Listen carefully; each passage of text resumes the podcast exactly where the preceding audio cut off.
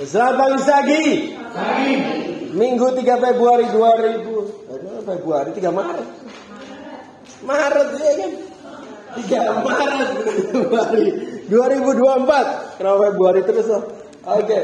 Judul kita hari ini Let There Be Light. Yeah. Kita langsung aja yuk. Siapa yang bawa kita hari ini? Amin. Kita langsung ke kejadian satu. Kalau kita akan lama hari ini daripada teman-teman lapar, saya langsung aja masuk ke kejadian satu. Karena kita akan baca sampai wahyu. Kejadian satu ayat 26. Yang sudah dapat katakan let. Dan bilang.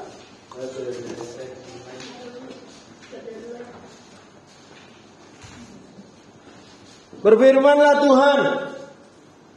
Bukan Allah yang berfirman. Berfirmanlah Tuhan, baiklah kita menjadikan manusia menurut gambar dan rupa kita, supaya mereka berkuasa atas ikan-ikan di laut dan burung-burung di udara dan atas ternak dan atas seluruh bumi dan atas segala binatang melata merayap di bumi. Yeah. Mengetahui tentang identitas kita itu sangatlah penting.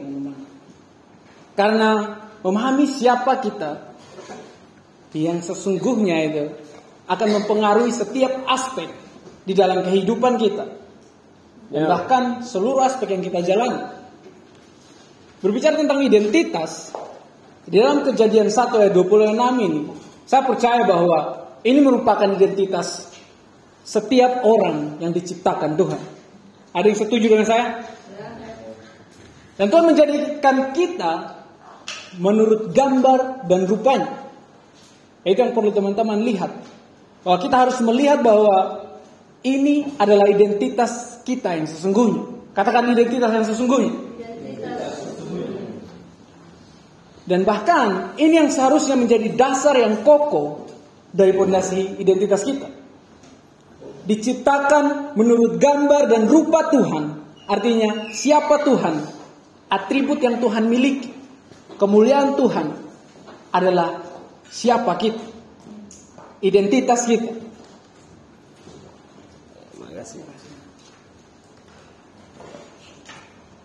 Jadi waktu Tuhan menciptakan manusia, dikatakan di Alkitab, diciptakan serupa dan segambar. Karena Tuhan yang lakukan adalah memberikan kemuliaan itu di dalam kehidupan setiap orang. Keajaiban itu, berkuasa dan indahnya Tuhan itu, dia berikan kepada manusia yang dia ciptakan. Hmm.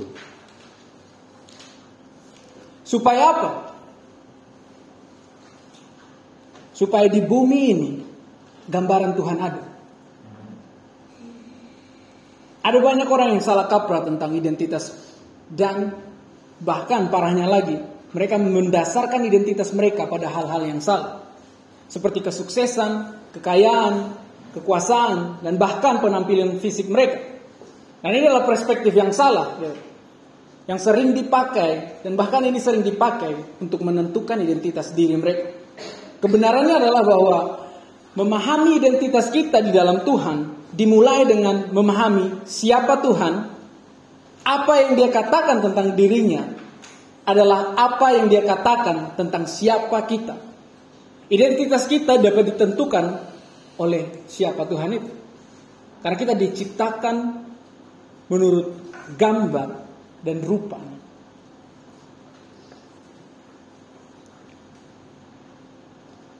Nah mungkin kalian bertanya-tanya di tempat ini, siapa? Siapa identitas mereka? Saya kasih tahu jawabannya. Kalau kalian bertanya-tanya, siapa identitas mereka? Siapa aku? Ya siapa Tuhan? Itulah siapa kamu. Karena Tuhan penuh dengan kemuliaan. Kamu juga penuh dengan kemuliaan. Ya. Karena kemuliaan terang Tuhan memancar dan merubah kehidupanmu juga sama. Seperti halnya di film kemarin, Kamis. Siapa Bapak kita? adalah siapa identitas kita yang sesungguhnya. Poin pertama yang harus diingat, saat Tuhan menciptakan kamu, Dia beri identitasnya kepada kamu, yaitu kemuliaan. Yang kedua adalah kamu diberi kemuliaannya supaya kemuliaan Tuhan penuh di bumi. Supaya identitas Tuhan itu ada di mana-mana dan bisa mudah terlihat, dikenal dan dikasihi. Kemuliaan Tuhan itulah yang seharusnya terpancar dari kehidupan kita. Yang menjadi sifat kita, karakter kita, dan semua aspek kehidupan kita memancarkan kemuliaan dari Tuhan. Ya. Saat Tuhan menciptakan kita serupa dan segambar dengannya, itu bukan untuk keuntungan kita, tetapi itu untuk keuntungan Tuhan. Ya. Bukan supaya kita menjadi manusia serupa Tuhan seperti Hercules, Percy Jackson, atau Aquaman. Separuh Tuhan. Kita dibuatnya sama seperti identitas Tuhan. Tujuannya adalah supaya Tuhan dimuliakan di bumi ini. Amin. Berbicara tentang identitas, di Royal kita punya botol kecil 50 ml yang kami sebut sampel. Sampel itu harusnya sama dengan produk asli.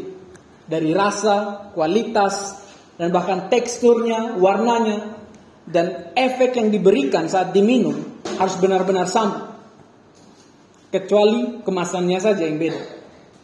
Tujuannya adalah bahwa saat sampel kami sebar, kami berikan kepada orang-orang, orang mencoba hal sampel itu dan mereka menikmatinya sehingga mereka menginginkan sirup yang satu liter. Sirup asli. Kita sama Tuhan diciptakan sama. Hanya kemasan saja yang berbeda. Dengan tujuan supaya saat kamu, kita ini disebar oleh Tuhan di dunia ini, dunia bisa merasakan Tuhan melalui kemasan manusia itu. Amen.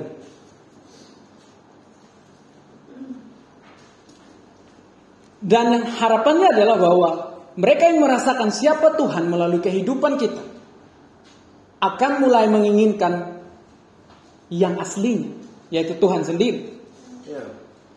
Sama halnya penting sekali bagi kami untuk sampel itu. Itu harus benar-benar sama dengan produk asli. Dan inilah juga mengapa sangat penting untuk kamu bisa hidup dan menghidupi hidupmu di dalam identitas yang sesungguhnya, yaitu adalah gambaran dan rupa Tuhan. Yeah. Kemuliaan Tuhan harus terpancar dari hidupmu, karena kan diciptakan seperti gambaran dan rupanya. Dan kamu diciptakan seperti itu dan untuk itu. Mari kita lihat di 2 Korintus. 2 Korintus 3 ayat 18. Dan ada nih, tolong konfirmasi waktu puji, pujian dan penyembahan. Artinya ini penting. Nah, Tuhan sampai ingetin lewat TV dan juga firman Tuhan tanpa kalian berdua ngomong sama Uli. Jadi kita harus perhatikan. Semua sudah di sana? Dan kita semua mencerminkan kemuliaan Tuhan dengan muka yang tidak berselubung. Dan karena kemuliaan itu datangnya dari Tuhan yang adalah roh, maka kita diubah menjadi serupa dengan gambarannya. Dalam kemuliaan yang semakin besar. Sesuatu yang harus di, sangat diingat hari ini, Bapak Ibu Saudara. Bahwa kemuliaan Tuhan adalah identitasmu. Ada amin di situ. Siapa Tuhan itu siapa kamu. Ya, ya kan? Siapa bapakmu di surga itu, ya siapa kamu itu. Karena kamu anaknya.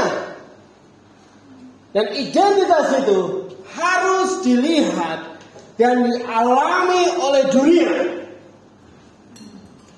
Agar dunia tahu eh, dan mengenal siapa Tuhan Bapa kita pencipta mereka. Tetapi kenyataan di zaman ini yang terjadi sekalipun adalah kebalikannya. Semakin banyak orang mengambil langkah menjauhi Tuhan, bukan malah pengen Tuhan. Berarti ada masalah sama sampelnya. Mereka bahkan berasumsi sendiri tentang siapa Tuhan dan baliknya asumsi itu bahkan tidak benar. Saya sadar kenapa orang salah menilai Tuhan. Karena orang itu tidak mengalami Tuhan dengan benar. Kenapa orang tidak mengalami Tuhan dengan benar? Karena sampelnya yang ada di dunia ini tidak benar-benar mencerminkan siapa Tuhan itu. Tidak benar-benar mencerminkan kemuliaan Tuhan itu sendiri. Bahkan Tuhan yang berbeda yang mereka kebutuhan, yang mereka wakili. Tuhan yang bukan Elohim. Tuhan yang bukan YHWH. Yang mereka tunjukkan. Sehingga hampir tidak ada sekarang orang yang mengalami Tuhan dengan pengalaman yang seharusnya karena yang mereka perlihatkan adalah bukan yang seharusnya. Apa yang terjadi di sini? Apa yang terjadi di dalam apa yang sedang Tuhan mau bicara kepada kita? Pahami, karena kemuliaan Tuhan yang harus kita cerminkan itu terselubung. Itu yang terjadi. Kenapa orang nggak bisa lihat kemuliaan Tuhan? Karena kemuliaan Tuhan itu terselubung. Paulus katakan di sini kita semua mencerminkan kemuliaan Tuhan dengan muka yang harusnya tidak terselubung. Yes, kita diciptakan serupa dengan segambar Tuhan. Yes, kita diciptakan dengan kemuliaan dalam kemuliaan Tuhan itu. Nah, terus kenapa dunia tidak bisa menikmati kemuliaan itu? Ya karena kemuliaan itu terselubung. Tertutup. Tahu apa arti terselubung? Tertutup. Tidak terlihat. Ya kan? Masalahnya adalah kalau kemuliaan Tuhan tertutup, bukan saja kemuliaan yang tidak terlihat, tetapi apa yang terlihat adalah yang menyelubunginya. Itulah kenapa ada Tuhan yang nggak boleh mereka kenali karena yang dilihat adalah selubung yang bukan sebenarnya. Konsep dari selubung itu selalu akan menutupi sesuatu dan memperlihatkan sesuatu. Kalau makanan kamu tutup dengan kain, supaya makanan itu tidak terlihat, tapi yang kelihatan apa? Kainnya.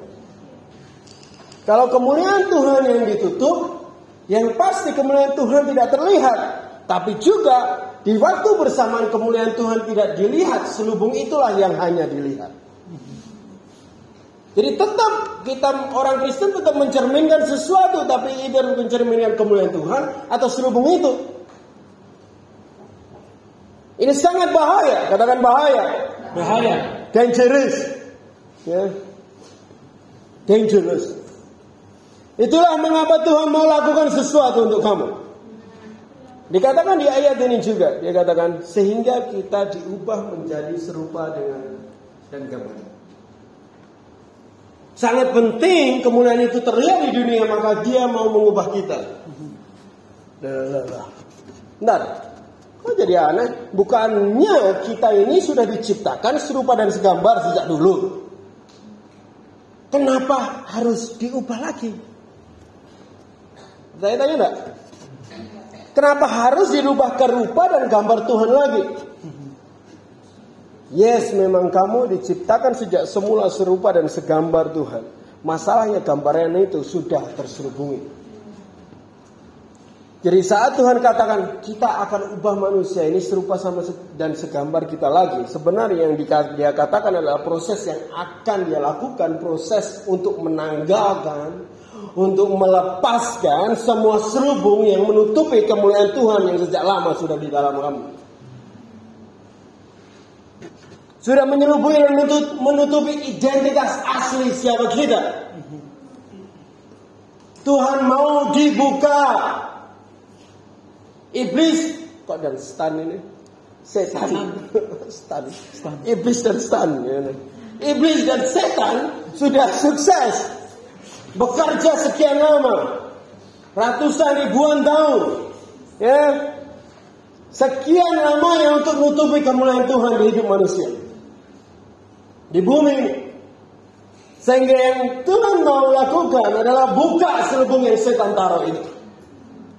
Buka selubung karena wajahmu penuh dengan kemuliaan Tuhan gak boleh terselubungi. Supaya kemuliaan Tuhan terpancar lagi di dunia ini. Selubung itu akan dibuka Bapak Ibu Saudara. Semua yang menutupi kemuliaan Tuhan akan dilepaskan dari hidupmu. Selubung harus dilepaskan untuk kemuliaan Tuhan dapat bisa dicerminkan lagi. Bahasa Indonesia yang dicerminkan seakan-akan kita berpikir cermin yang untuk kita make up. Tapi ini lebih lebih kepada refleks. Tahu refleks waktu kita terima cahaya kita mantulkan lagi. Kemuliaan Tuhan diberikan kepada kita kita berikan. Tapi kalau terselubungi nggak bisa. Surabaya yang mau mencerminkan kemuliaan Tuhan. Surabaya yang mau mencerminkan kemuliaan Tuhan. Amen. Kita ke Ayub. Ayub 12.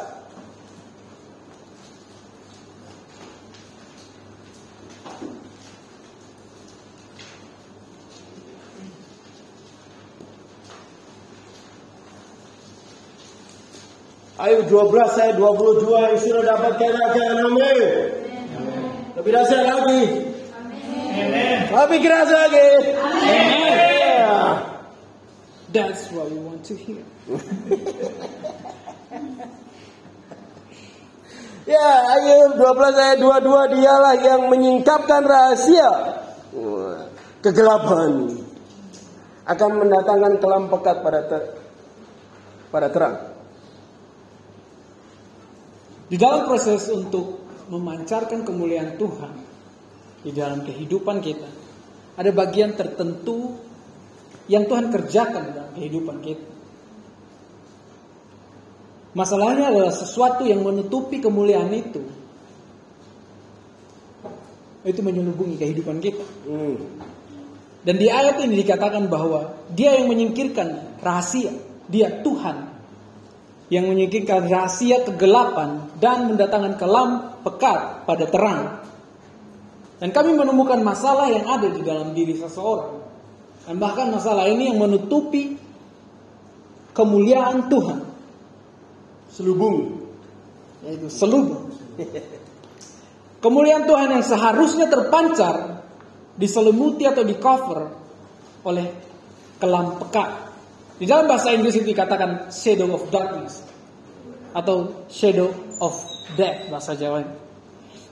Sesuatu yang menjadi andalan untuk seseorang bisa berlindung di balik hal itu.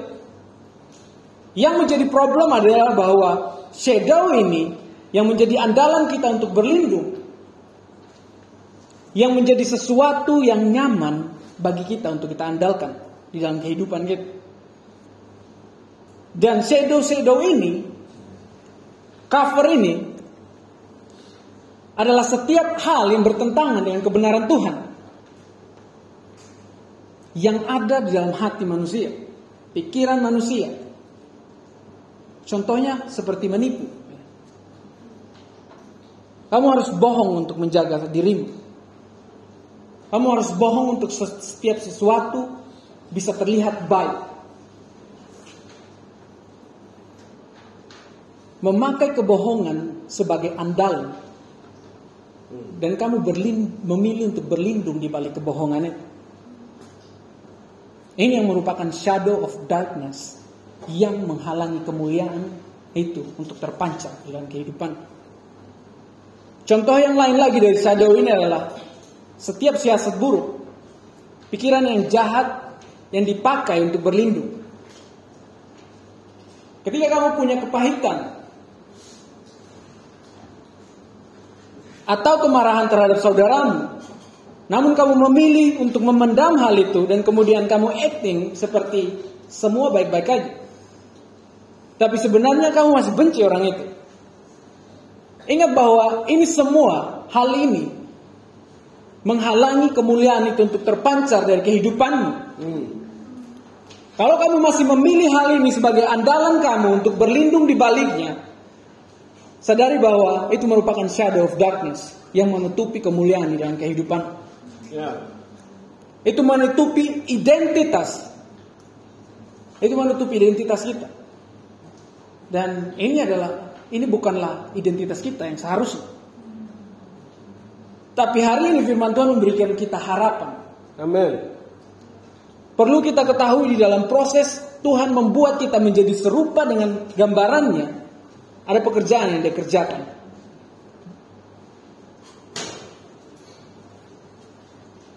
Ini yang menjadi harapan kita hari ini. Bahwa Tuhan akan menyingkapkan semua shadow of darkness ini. Saat proses itu terjadi, waktu pengungkapan itu terjadi dan dilakukan oleh Tuhan, bagian yang kita harus lakukan adalah kita mengizinkan hal itu masuk dalam diri kita. Agar terang itu dapat masuk dan menyingkirkan shadow of dark itu. Yang perlu dimengerti di sini adalah bahwa tujuan dari pengungkapan itu adalah penyerupaan. Ya. Jadi saat Tuhan mengungkapkan setiap tidak benaran yang menjadi tempat kita berlindung, waktu kita mengizinkan terang itu masuk, di situlah penyerupaan itu terjadi. Jadi waktu kamu marah atau tersinggung, atau waktu kamu menyimpan kepahitan di dalam hatimu terhadap saudaramu, dan di saat itu juga Tuhan mengungkapkan hal itu, eh ini nggak baik. Dan Tuhan membawa terangnya di situasi itu dengan cara memberikan kamu arahan untuk apa yang harus kamu lakukan. Dan kamu mengizinkan terang itu masuk dan kamu mentaatinya.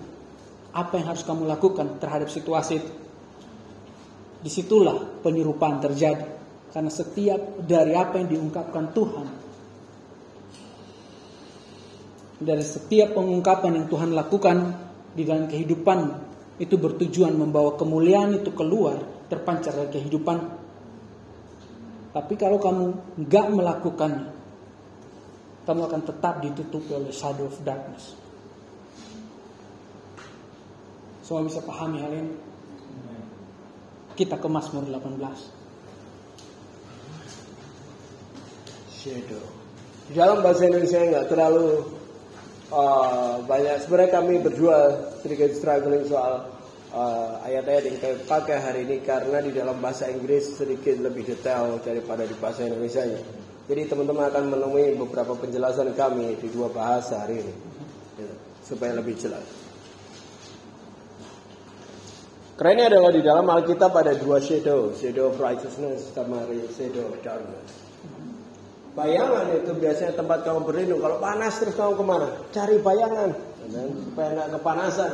Nah bahayanya adalah waktu kamu kepanasan, kesulitan dalam tekanan. Bahayanya adalah kalau kamu terbiasa larinya ke darkness. Itu yang menutupi. Kamu cari jalan keluar dengan cara kegelapan. Kamu cara cara yang tidak benar. Apa pun itu. Itu yang akan menutupi kemuliaan Tuhan. Ya. Di Mazmur 18 ayat 16, di beberapa terjemah di ayat 17 atau 15, terserah apa pun itu, tapi simak ayat ini. Semua Lalu ya. Semua sudah di sana? Lalu kelihatanlah dasar-dasar lautan dan tersingkaplah alas-alas dunia karena har- hardikmu. Ya Tuhan, karena hembusan nafas dari hidungmu. Ya, di hidung nafas Tuhan ya langsung. Ya. Hal lain yang Tuhan akan singkapkan atau Tuhan mau lepaskan agar kemuliaan Tuhan terlihat. Yaitu dikatakan kelihatanlah dasar-dasar lautan dan tersingkaplah alas-alas dunia. Apa yang Tuhan mau singkapkan kali ini? Air lautan agar dasar bumi terlihat dengan benar. Apa yang menutupi dasar akan dibukakan dalam konteks atau aspek yang Tuhan mau kita lihat adalah lautan air yang menutupinya. Apa ini air dan lautan Pak Giri? Masih ingat pengajaran saya tentang berjalan di atas air? Iya. Sudah lama, bisa lihat lagi. Nah, air, lautan, gelombang itu menggambarkan situasi dan perasaan lebih jelas, eh lebih jelas, lebih jelasnya bukan jelas, jelas. Lebih jelasnya saya sebut ini drama. Perasaanmu gejolak jiwa itu seperti lautan dan gelombang. Yang lebih seringnya kita tenggelam di dalamnya. Dan tahu gak sih bahayanya ini yang terlihat Bahayanya adalah hanya ini yang terlihat di hidupmu dan bukan kemuliaan Tuhan yang terlihat. Dari semua dari hidup seorang Kristen yang terlihat adalah hanya perasaannya. Seorang Kristen yang bisa dilihat orang adalah jiwanya doang. Yang bisa dilihat emosinya. Yang muncul bahkan dalam bentuk drama-drama dan drama. Mau Korea atau Cina atau Indonesia kemudian drama. Ya. Yang seharusnya dunia lihat adalah kemuliaan Tuhan dari hidupmu. Yang tapi yang mereka lihat dari gereja adalah drama. Drama perebutan kekuasaan. Saya pernah ada di drama itu. Drama perebutan siapa yang paling penting bagi pemimpin. Drama perebutan siapa yang paling benar. Drama kompetisi menunjukkan siapa yang paling bisa dan paling mahir. Atau drama personal di dalam kamu yang terjadi karena setiap tekanan dan setiap koreksi, setiap teguran itu menyakitkan hatimu. Seharusnya mereka nggak ngomong gitu tuh yang membuat aku sakit. Ya. Kamu tenggelam di dalamnya dan memunculkan drama itu. Yang orang lihat drama bukan kemuliaan Tuhan. Tahu nggak sih satu karakter drama yang pasti mudah untuk dikenali, yang paling mudah, drama selalu nggak masuk akal. Masa ada sih orang orang kaya raya nih jatuh cinta penjual cilok? Ya drama nggak masuk akal. Walaupun orang yang merasakan merasa paling masuk akal, paling masuk akal adalah aku yang harusnya benar. Ada apa ini? Saat responmu terhadap sesuatu tidak masuk akal, masuk akal lagi. Nah, kamu sedang mendramatisir keadaan itu sebenarnya. Saat masa sulit, yang orang lihat seharusnya kemuliaan Tuhan melalui sukacita yang hadir di hidupmu, tetapi yang disuguhkan ke muka orang adalah muka kusam, muram. Ya. Habis muram ditanya gimana kabarmu komplain.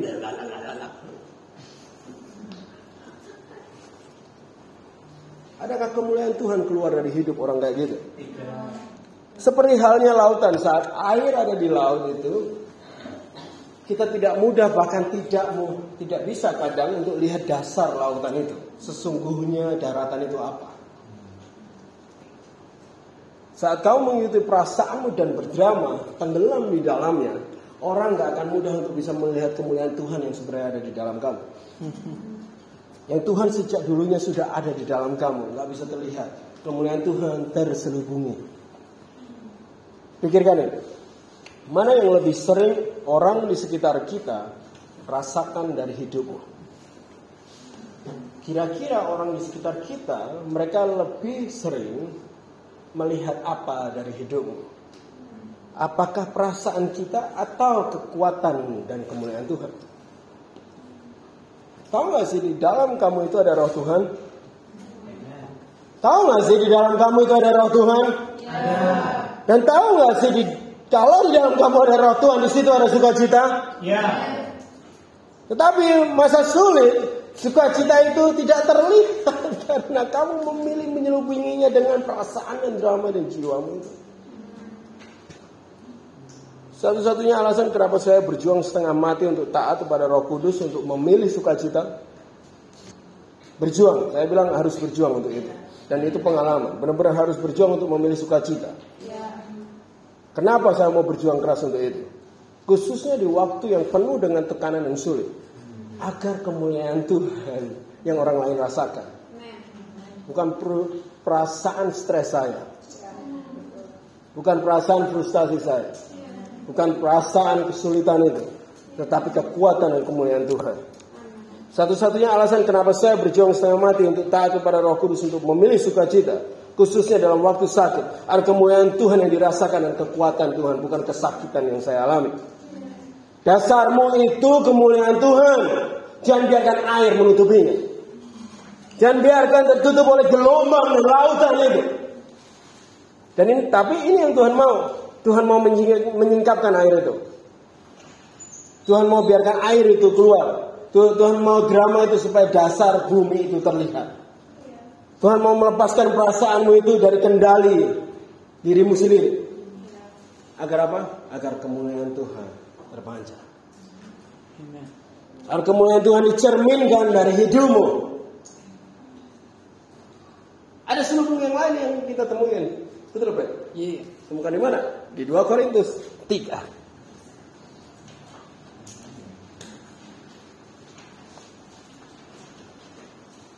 Kita masuk selubung ke tiga. Ayub tadi yang pertama.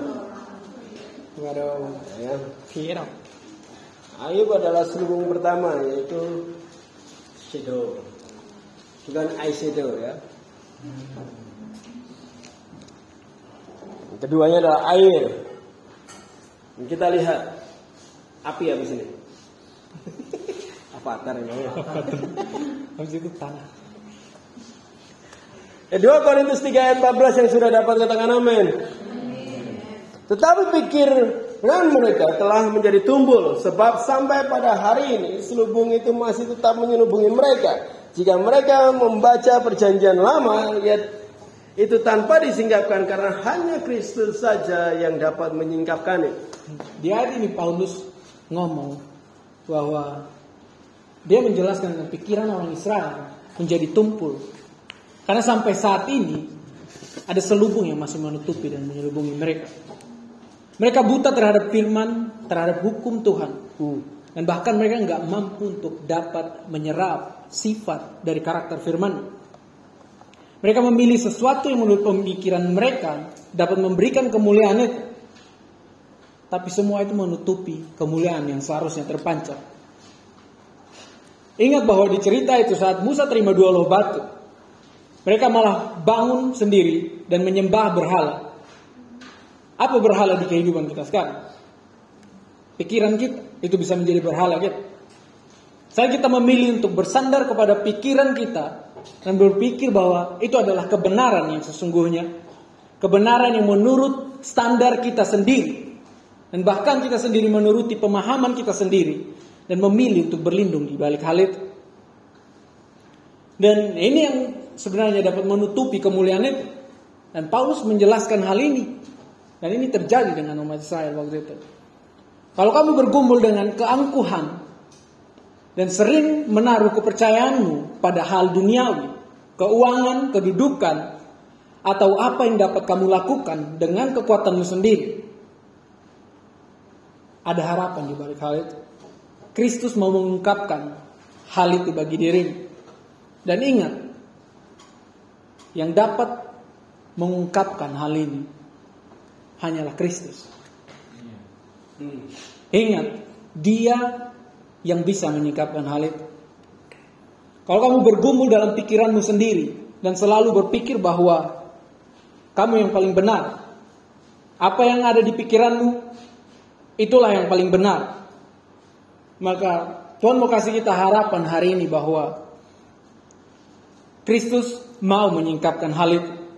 Dan dia bisa menyingkapkan hal itu. Orang Israel, karena keangkuhan mereka, tegar tengkuk mereka, itu membuat mereka nggak melihat kemuliaan dan bahkan membuat mereka nggak mampu untuk memancarkan kemuliaan itu. Mereka menolak Yesus dan menolak semua perkataan yang Yesus berikan saat itu. Yang perlu kita sadari bahwa Yesus inilah yang membawa cerminan kemuliaan Bapa. Aku adalah jalan kebenaran. Kamu nggak bisa mendapatkan akses yang sesungguhnya, kemuliaan yang sesungguhnya tanpa melalui Dia. Dan saya mau menguatkan teman-teman bahwa hanya Yesus yang dapat memulihkan dan memberikan kemuliaan itu kepada mereka. Dan bahkan dia bisa memulihkan hal itu kepada kalian semua. Kalau mereka berbalik dan berseru sama Yesus, Yesus akan menyingkapkan selubung itu bagi mereka. Karena Yesus adalah gambaran dan akses dari kemuliaan itu. Kalau kamu berbalik pada Yesus dan berseru padanya, saat itulah kamu akan Yesus akan menyingkapkan selubung yang menghalangi kamu untuk memancarkan kemuliaan itu. Dia akan menyingkapkan setiap pikiran yang gak benar itu, yang selalu kamu percaya itu di dalam kehidupan. Ya. Dan dia gantikan dengan kemuliaan dan kamu akan mulai menerima kemuliaan itu. Sehingga Yesus dapat memberikan kamu cahaya yang membuat kamu dapat melihat kebenaran firman-Nya yang dapat memancarkan kemuliaan itu dari kehidupan. Kita ke 1 Korintus 11.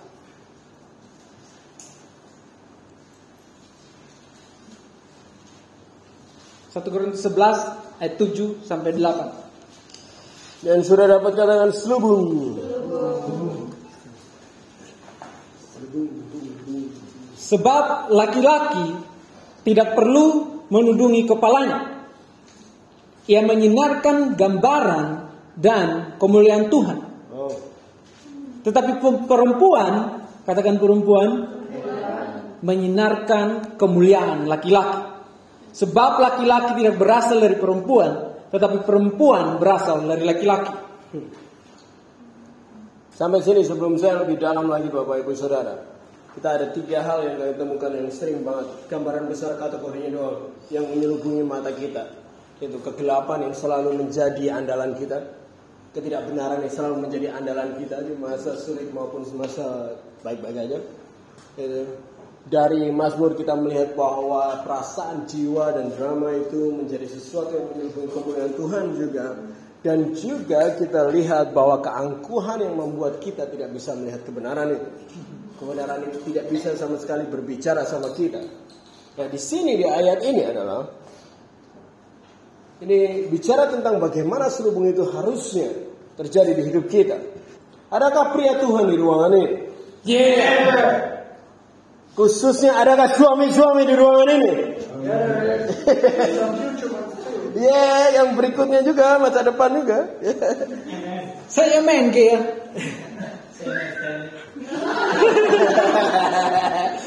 Sebab laki-laki tidak perlu dikatakan di sini menudungi kepalanya.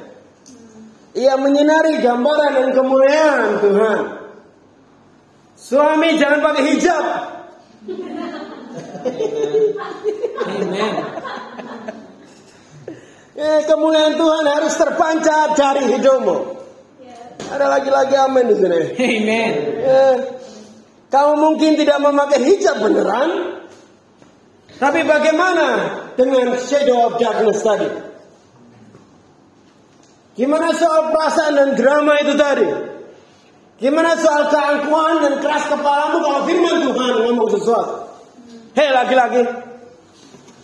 Apakah itu masih menjadi selubung yang menutupi kemuliaan Tuhan di mukamu?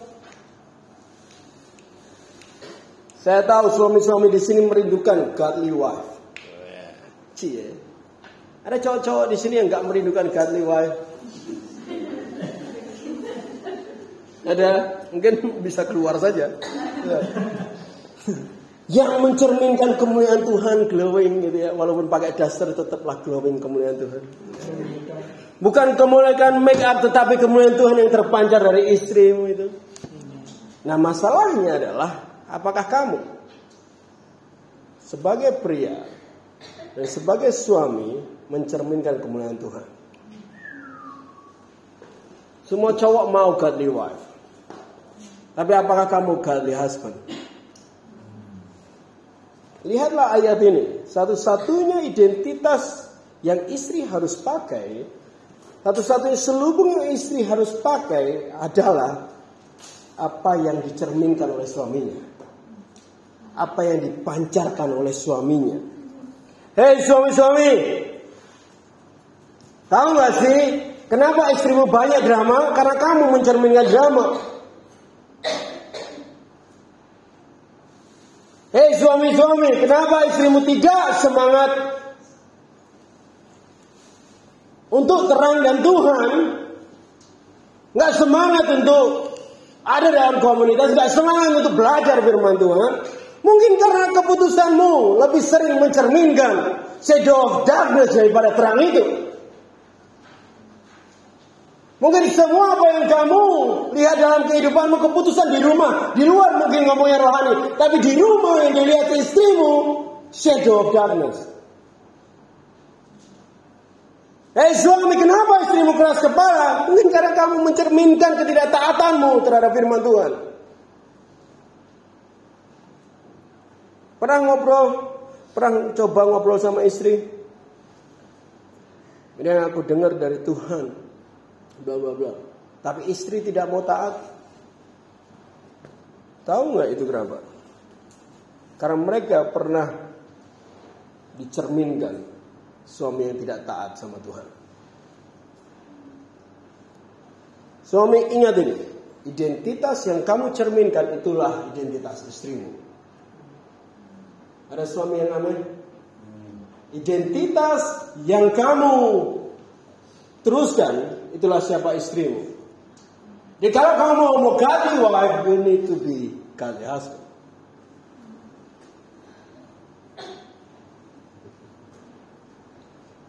Mana nih?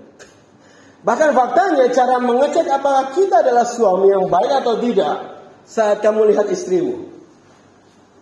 Kira-kira keadaannya kayak gimana? Kalau kamu terus melihat perubahan istrimu semakin serupa sama Kristus, berarti puji Tuhan kamu sudah mencerminkan Kristus dengan benar. Karena hanya kemuliaan itu yang dipakai oleh istrimu. Tetapi kalau drama yang semakin kuat keluar dari istrimu, hei suami, kamu harus rendah hati menerima bahkan mungkin kamu menerima kalau kamu belum baik dan kamu belum godly. Ada selubung yang masih mengalami kemuliaan Tuhan yang harusnya terpanjang untuk istrimu. Dan kamu harus memilih untuk menanggalkan selubung itu. Ada suami di ruangan ini? Lebih teduh sekarang. Ada wanita-wanita di ruangan ini? Istri-istri mana suaranya? Semua yang mau jadi istri mana suaranya? Amin. Dikatakan di sini tapi perempuan menyinar kemuliaan laki-laki. Saya nggak ngomongin suami doang. Terus istri merasa bahagia hari ini. Kemuliaan siapa yang harus perempuan sinarkan? Suami. Ya, aku nggak dengar suara istri di sini malah. Kemudian siapa yang harus perempuan sinarkan?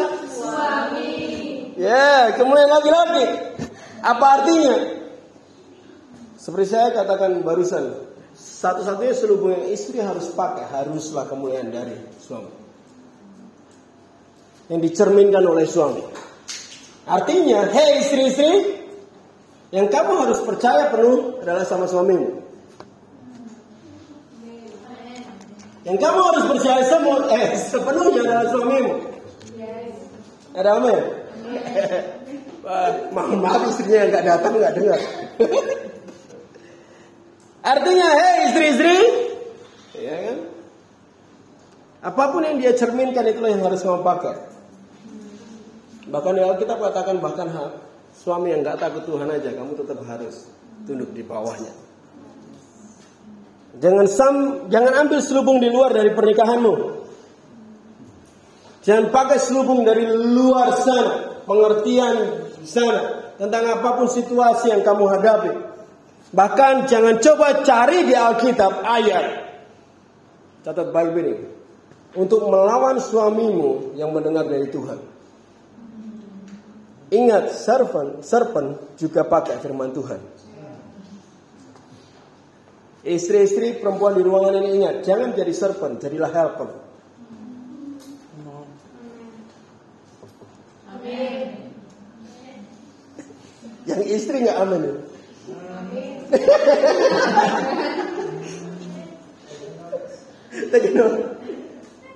ya.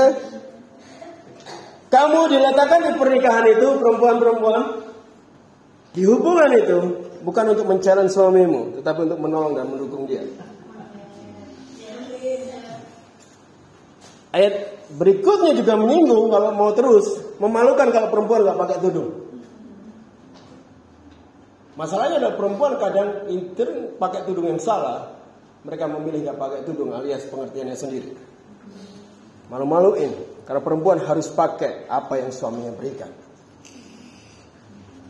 Saya per, saya ngerti mempercayai itu sulit.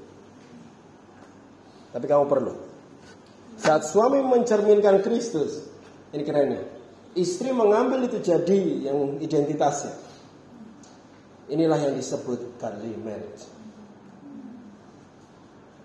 Waktu suami ngambil cerminan Kristus itu tanpa selubung apa pun. Diteruskan ke istrinya dan istrinya pakai itu jadi identitasnya. Itulah godly marriage. Siapa yang mau itu?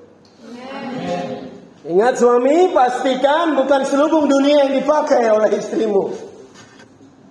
Dan memastikan kamu tidak hidup dalam, selubung. Biarlah kemuliaan Tuhan yang tercermin untuk istrimu. Dan istri, nikmatilah kemuliaan Tuhan yang dicerminkan oleh suamimu. Kamu akan menjadi pernikahan yang mencerminkan kemuliaan Tuhan.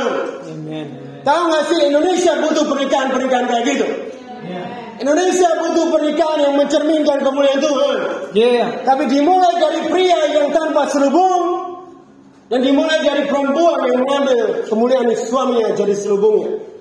Amen. Untuk kamu yang single, jangan berkecil hati.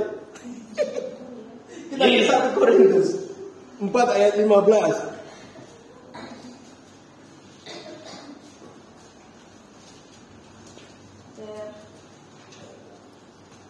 Sudah dapat di situ, amin. Katakan amin. sebab sekalipun kamu mempunyai beribu-ribu pendiri dalam Kristus, kamu tidak mempunyai banyak bapa. Karena akulah dalam Kristus Yesus yang menjadi bapamu oleh yang kuberitakan kepadamu. Jadi Paulus merupakan sosok ayah di sini. Dia merupakan sosok ayah yang menerima peran dan tanggung jawab untuk mewariskan karakter pribadi dan tujuan Tuhan pada generasi selanjutnya.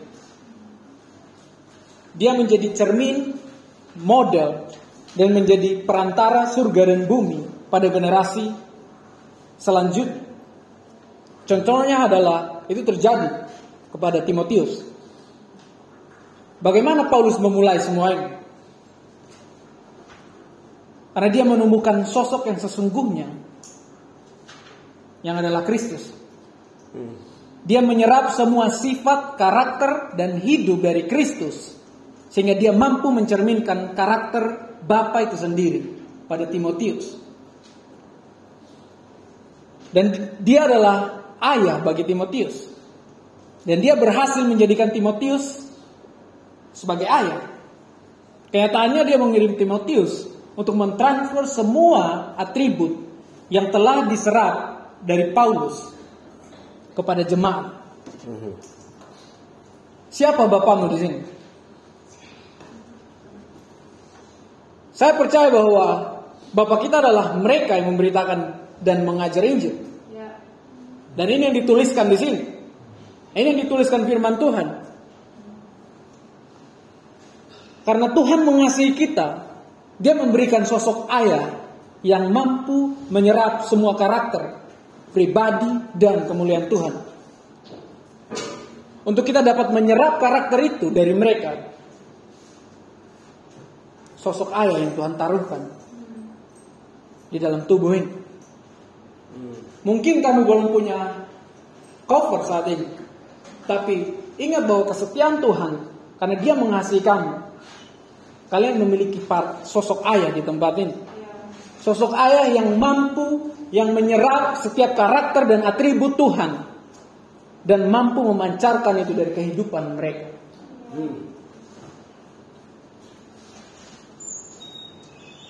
Kita harus mengambil sifat itu. Kita harus mengambil atribut atribut itu dari Bapa yang mengajari firman Tuhan kepada kita. Cara hidup kita harus berubah seperti cara hidup mereka. Coba kita lihat lagi. Kira-kira di dalam kehidupan kita. Jadwalmu. Kira-kira serupa nggak sama jadwal mereka? Dari cara kamu menggunakan waktumu, apakah serupa dengan mereka? Apakah sama dengan mereka?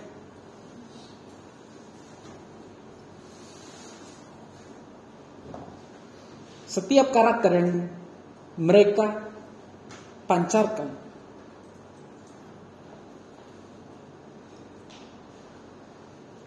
itu yang harus kita konsumsi dari kehidupan mereka. Itu yang harus kita usahakan untuk kita serap dari kehidupan mereka.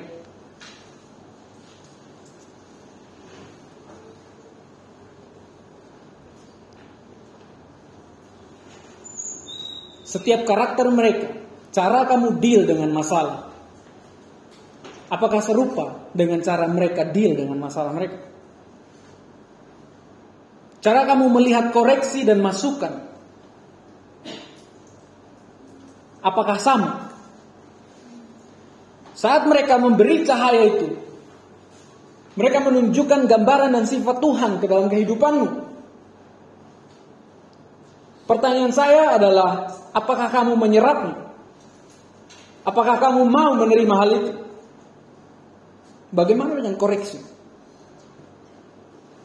Apakah kamu mengizinkan itu masuk di dalam kehidupan? immediately. Atau masih tunggu berhari-hari. Ingat bahwa semua itu tujuannya adalah agar identitas kemuliaan Tuhan itu dapat memancar dari kehidupan. Ya. Goal mereka adalah agar kita dapat sukses membawa gambaran dan kemuliaan Tuhan di bumi. Ya. Kita harus mengambil karakter Tuhan yang keluar dari kehidupan mereka. Dan ini challenge bukan hanya untuk kalian aja. Challenge untuk saya juga. Dan saya rindu untuk menyerap semua karakter Tuhan yang dipancarkan oleh dua bapak saya di tempat ini. Ada yang setuju dengan saya? Kita ke kejadian satu.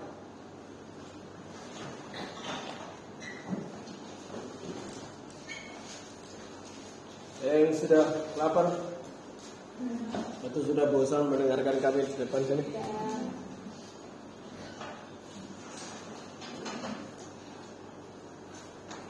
Kejadian 1 ayat 1 sampai 2. Semua sudah di sana? Pada mulanya Tuhan menciptakan langit dan bumi. Bumi belum berbentuk dan kosong.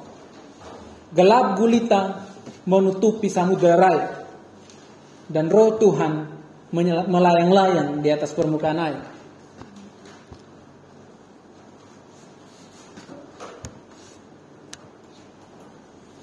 Ini adalah penutup dari semuanya. Dari sejak semula Tuhan membentuk identitas kita. Kamu dan saya, Bapak Ibu Saudara dan saya. Bumi ini pada awalnya tidak berbentuk. Song kosong berbunyi nyaring. Kosong, gelap gulita, dan roh Tuhan melayang-layang di atas permukaan air. Saya mencoba pelan-pelan karena saya mau menjelaskan apa yang saya lihat dari ayat ini yang tidak pernah saya lihat sebelumnya. Kita belajar tentang tiga selubung itu hari ini yang menutupi kemuliaan Tuhan. Dan kita mau selubung itu minggir. Karena kita mau kemuliaan Tuhan terlihat. Ya, di ayat ini, di ayat ini kita lihat ada shadow of darkness, kegelapan menyelubungi bumi. Menutupi seluruh permukaannya. Kita lihat ada air, lautan, gelombang dan roh Tuhan itu hanya bisa melayang-layang di atasnya kok. Tidak ad, tidak dapat ada di situ. Nggak bisa masuk dan tinggal. Bumi belum berbentuk. Karena firman Tuhan hukum Taurat yang seharusnya menjadi struktur dan tatanan jadi bentuk itu. Dunia ini belum menerimanya. Dan seperti hidup kita juga. Belum terjadi. Apakah yang ayat 2 ayat ini, ayat 2 ini mencerminkan kondisimu hari ini? Kondisimu yang ada dalam kegelapan diselubungi semuanya atau di dalam air yang bahkan roh Tuhan tidak bisa di dalam karena drama yang selalu kamu pilih. Tidak ada bentuk karena tidak ada hukum dan tatanan dan struktur yang Tuhan yang kamu bolehkan untuk masuk. Terlalu keras kepala untuk firman Tuhan boleh masuk. Adakah yang mencerminkan kondisimu? Kegelapan yang kamu jadikan jaminan perlindungan hidup. Perasaan dan drama yang kamu biarkan menutupi sukacita yang Tuhan beri dan kekuatan yang tadinya ada di situ. Keangkuhan dan kebenaran akan diri sendiri di atas firman yang Tuhan perkatakan ke hidupmu. Hal-hal ini menutupi kemuliaan Tuhan yang ada di dalam kamu. Sehingga mereka orang-orang dunia tidak dapat bisa ngerasain Tuhan yang benar. Tuhan mau menyingkapkan semuanya. Tuhan mau benerin semuanya. Tuhan mau menyingkapkan selubung-selubung ini. Di ayat 3 dikatakan ini. Jadilah terang. Lalu terang itu jadi. Kegelapan mungkin menubuhi kamu. Air mungkin masih banyak di dalam hidupmu. Kamu keras kepala yang tidak mau firman Tuhan masuk. Tapi Tuhan katakan, jadilah terang di hidupmu hari ini. Satu-satunya cara untuk semua selubung ini disingkapkan, biarlah Tuhan mendatangkan terang dengan katakan ke hidupmu, jadilah terang di hidupmu. Let be, let there be light. Jadilah kemuliaan itu sepenuhnya. Biarkan Tuhan berbicara terang itu ke kamu. Biarkan Tuhan kembali menuntun kamu. Biarkan Tuhan kembali berbicara terang. Kemuliaannya. Melalui tuntunannya, firmannya, apa pun bentuknya. Teguran, biarkan terang itu masuk. Sudah lama mungkin kamu tidak biarkan terang itu masuk. Karena di mana ada terang kegelapan tidak ada. Di mana ada terang langkah jelas tidak ada gejolak jiwa. Di mana ada terang, ada kebenaran. Jadi ini yang penting. Biarkan terang jadi. Tadi dunia yang penuh gelap, dunia yang kosong, bahkan Roh Kudus bisa melayang-layang di atas air. Begitu terang masuk, semuanya mulai mulai ada kehidupan di dalam. Seberapa banyak yang rindu dan mau selubung itu disingkapkan dari kehidupan kalian. Amen. Saya undang kalian untuk bangkit berdiri. Ingat suami-suami, kamu diciptakan untuk mencerminkan kemuliaan Tuhan. Dan juga ingat istri-istri, kamu diciptakan untuk mencerminkan kemuliaan suamimu. Dan bahkan ingat juga para single. Kamu diciptakan untuk mencerminkan kemuliaan Bapamu. Kalau kamu mau lebih lagi mencerminkan kemuliaan Tuhan. Biarlah Tuhan membawa terangnya hari ini dalam kehidupanmu.